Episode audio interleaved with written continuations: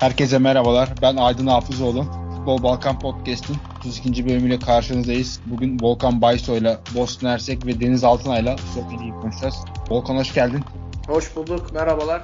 Bosna Hersek Ligi'nde 14. hafta geride kaldı.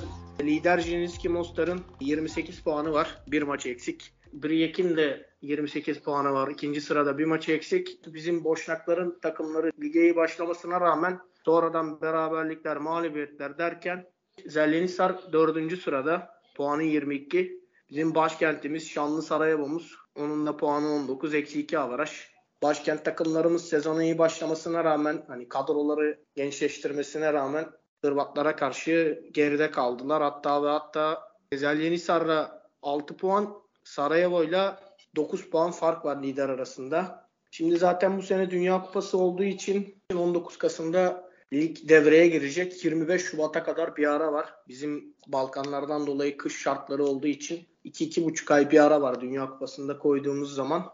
En çok gol atan takım Tuzla City 26 golü var. En çok gol atan oyuncu Mirsat Ramiç. İkban Konya'da oynuyor arkadaş. 29 yaşında Boşnak. 10 golü var. 10 golü var evet. En çok gol yiyen takım da işte Leotard Tribinye. Geçen sezonda takip ettiğimiz Nemanja Biblia yine ikinci sırada 8 golle. Evet evet. 32'lik kral atıyor. Belli yani iyi bir performans sergiliyor. Yaşı da var. Belki bizim takımlarımız alabilir. Gündeminize düşmüştür. Belki bilirler arkadaşlar. Şu anda bir Sarajevo'dan bir stoper Ankara gücünde oynuyor. Bilmiyorum sen duymuş musundur? Nihat Moyakiç var. Sarajevo'da Evet. oynuyordu. Bu çocuk Ankara gücü kaptı bunu. Şeyi sormak istiyorum. Bu işte Hırvat takımı, Boşnak takımı ve Sırp takımı var. Ya sence bir ayrım var mı Volkan? Ya?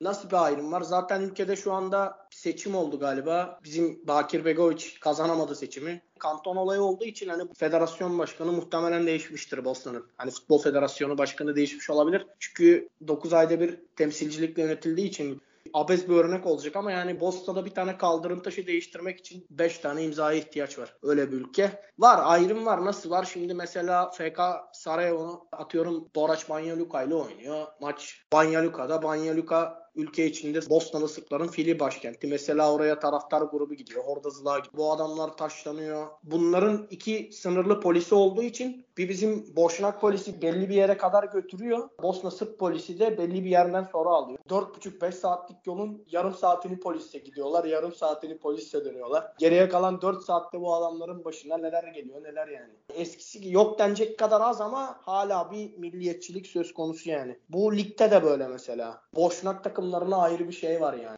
12 tane takım var. 12 tane takımın 4 tanesi hasbehas eski Yugoslav eski Boşnakların takımı. Seleznişar, Jelio, Sarajevo, Velez Mostar. Dördüncüyü de söyleyeyim Tuzla City. Ben son şeyi soruyorum o zaman. Şampiyonluk adayın kim? Benim vallahi bu sene şampiyonluk adayım. Gönül ister tabii bizim Zeleznişar olsun, Sarajevo olsun da puanlar da yakın aslında birbirine. İki maç kaybedersen al aşağı edebilirsin. Bir Jello bir atak yapabilir diye düşünüyorum ben. Sarajevo geride kaldı. Benim adayım Jello, Siroki, Jilinski. Çok teşekkür ederim Volkan. Şimdi de Deniz Altınay'la Sloven Ligi'ni konuşalım. Deniz abi hoş geldin. Hoş bulduk Aydın merhaba. Sloven Ligi'nde bu hafta önemli bir maç vardı. Olimpia Ljubljana 1, Maribor 0, kırmızı kart, 90'da gelen penaltı. Sen maçı izlemişsindir muhtemelen. Herkese merhaba. Balkan Podcast dinleyicilerine de herkese merhaba diyorum öncelikle. Olimpia Maribor derbisi bu seneki ikinci karşılaşmalarıydı. Çünkü Sloven Ligi 10 takımdan oluştuğu için her takım birbiriyle sene içinde 4 defa karşılaşıyor. Dolayısıyla devre başına aslında 2 defa karşılaşmış gibi oluyorlar. Bu seneki Olimpia ve Maribor'un ikinci karşılaşması. İlk karşılaşmayı da yine biz önceki programlarda konuşmuştuk. Maribor deplasmanında Olimpia 2-0 kazanmıştı. Bu sefer Maribor Olimpia'nın sahasına geldi. Maçın şöyle bir özelliği vardı. İki takım arasındaki ikinci derbi. Olimpia 30 puanla lider durumdaydı. Maribor da 17 puanla 4. sıradaydı. Yani maç oynanmadan önce iki takım arasında 13 puanlık bir fark vardı Olimpia lehine. İki takım derbiye gelmeden önce biraz enteresan bir hafta geçirdiler. İstersen ben biraz oradan başlayıp derbiye ağlamak istiyorum. Derbiden önceki hafta bakıldığında Maribor yine önemli bir maç oynadı. Ligde önemli performans gösteren, şu anda da ligde ikinci sırada olan Koper'le. Çok tartışmalı bir maç. Hakem kararları ve VAR kararlarının maça damgasını vurduğu bir maç izledik Maribor Koper maçında. Orada da 1-0 kaybetti. Maribor taraftarlarının hakem kararlarını protestosu, maçın uzun bir süre durması, Arkasından maça devam ettiler ve maçın son dakikalarında Koper'in golü geldi. Derbiye gelen hafta boyunca da aslında Maribor'un federasyona ve hakemlere yönelik bir takım eleştirileri söz konusuydu. Maribor'a ilişkin derbiye gelirken şöyle de bir gelişme oldu. Çok önemli bir yıldız Slovenya Ligi'ne geldi. Josip Ilicic. Maribor Ilicic'i transfer etti. Maribor bu anlamda derbiye de bu aslında bir Ilicic transferinin birazcık gazıyla da geldi. Yani bu derbide oynamadı Ilicic ama Slovenya'da herkes Ilicic'in sahaya çıkacağı ilk maçı da, da merakla bekliyor.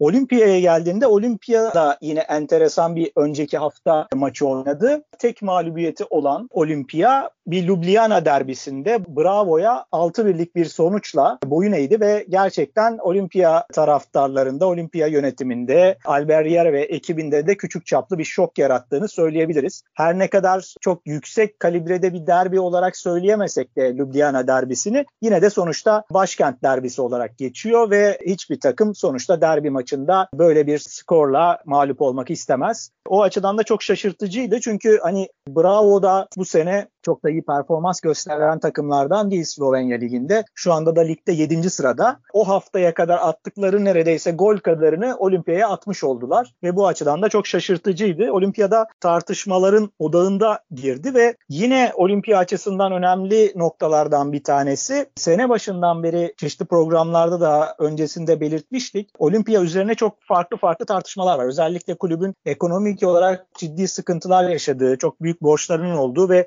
bu borç borçlardan kaynaklı olarak da cezalar alacağına yönelik haberler yine derbi öncesinde hız kazandı ve üst üste medyada bu tarzda haberler çıktı. Kulüp yetkilileri tarafından yalanlandı öncelikle. Kulüp haberlerin derbi öncesinde kulübün moralini, oyuncuların moralini bozmak için özellikle bir algı operasyonu şeklinde yapıldığını iddia etti. Ama daha sonra kulübün bu işte borçlarının olduğu kişilerle de çeşitli görüşmeler yaptı medya mensupları ve kimisi bunu doğru doğruladı. Hala kulübün bize borcu var şeklinde haberler de çıktı. Arkasından kulüp yönetimi tekrardan buna ilişkin yalanlamalar yaptı. Yani olimpiya açısından derbi öncesinde aslında çok hararetli, çok tartışmalı bir hafta geçtiğini de söyleyebiliriz. Yine olimpiyanın derbi öncesinde konuştuğu konulardan bir tanesi de stadyumun taşınma durumuydu. Yani olimpiyanın maçlarını oynadığı Stozice stadyumu zemin bakımına girecek, bir tadilat geçirecek ve bundan kaynaklı olarak da olimpiyanın belirli bir süre bu stadyumda maçlarını oynayamayacağı, aynı kentin takımı olan Bravo'nun stadında belirsiz bir süre maçlarını oynamak durumunda kalacağına dair haberler üst üste çıktı yine derbi öncesinde. Kulüp bunu da yalanladı. Şu anda da bu konuda belirsizlik var ama böyle bir yer değişikliğinin söz konusu olmadığı ve kulübün maçlarını yine Stozice'de oynamaya devam edeceği yönünde. Senin de gördüğün gibi aslında derbi öncesinde iki takım kendi oyunlarına odaklanmaktan çok birazcık daha bu dış faktörlerle mücadele etmek durumunda kaldılar. Derbi maçları her ülkede, her takım için aynı etkiyi yarattı. Derbi maçını kazanan takım belirli bir nefes alma imkanını kazanmış olur. İki takım da bu maçı aslında kazanıp daha sonrasında birazcık daha önünü birazcık daha rahat görmek istiyordu gergin başladı ve medya buna çok fazla yer vermese de özellikle Maribor taraftarlarının ultra taraftar grubu var. Viola diye geçiyor. İşte Türkçe'ye çevirdiğimiz zaman mor renkliler veya menekşeler diye de çevrilebiliyor. Viola'larla olimpiya taraftarları arasında maç günü bir kavga oluyor ve ciddi sayıda 50'nin üzerinde de karakolluk olma durumları var bu taraftarların. Yani gergin bir ortamda da derbinin başladığını söyleyebiliriz. Oldukça bu gerginliklerin etkisiyle başladı iki tarafında aslında maça konsantre olmakta zorlandığını gördük derbide. Neredeyse uzun bir süre kısır giden bir maç izledik. İki kaleci neredeyse yere yatmadan ilk devreyi bitireceklerdi. Sadece bir veya iki defa özellikle olimpiya taraftarlarının, yeşil ejderhaların, green dragonların havai fişek ve çeşitli patlayıcılar maça ara verildi ve ilk yarı işte bir 10 dakikaya yakın uzamış oldu. İlk yarının sonlarına doğru olimpiyanın etkisini artırdığını gördük. Maçın da kopmasına neden olacak olan pozisyon tam da bu ilk yarının uzatma dakikalarında gerçekleşti.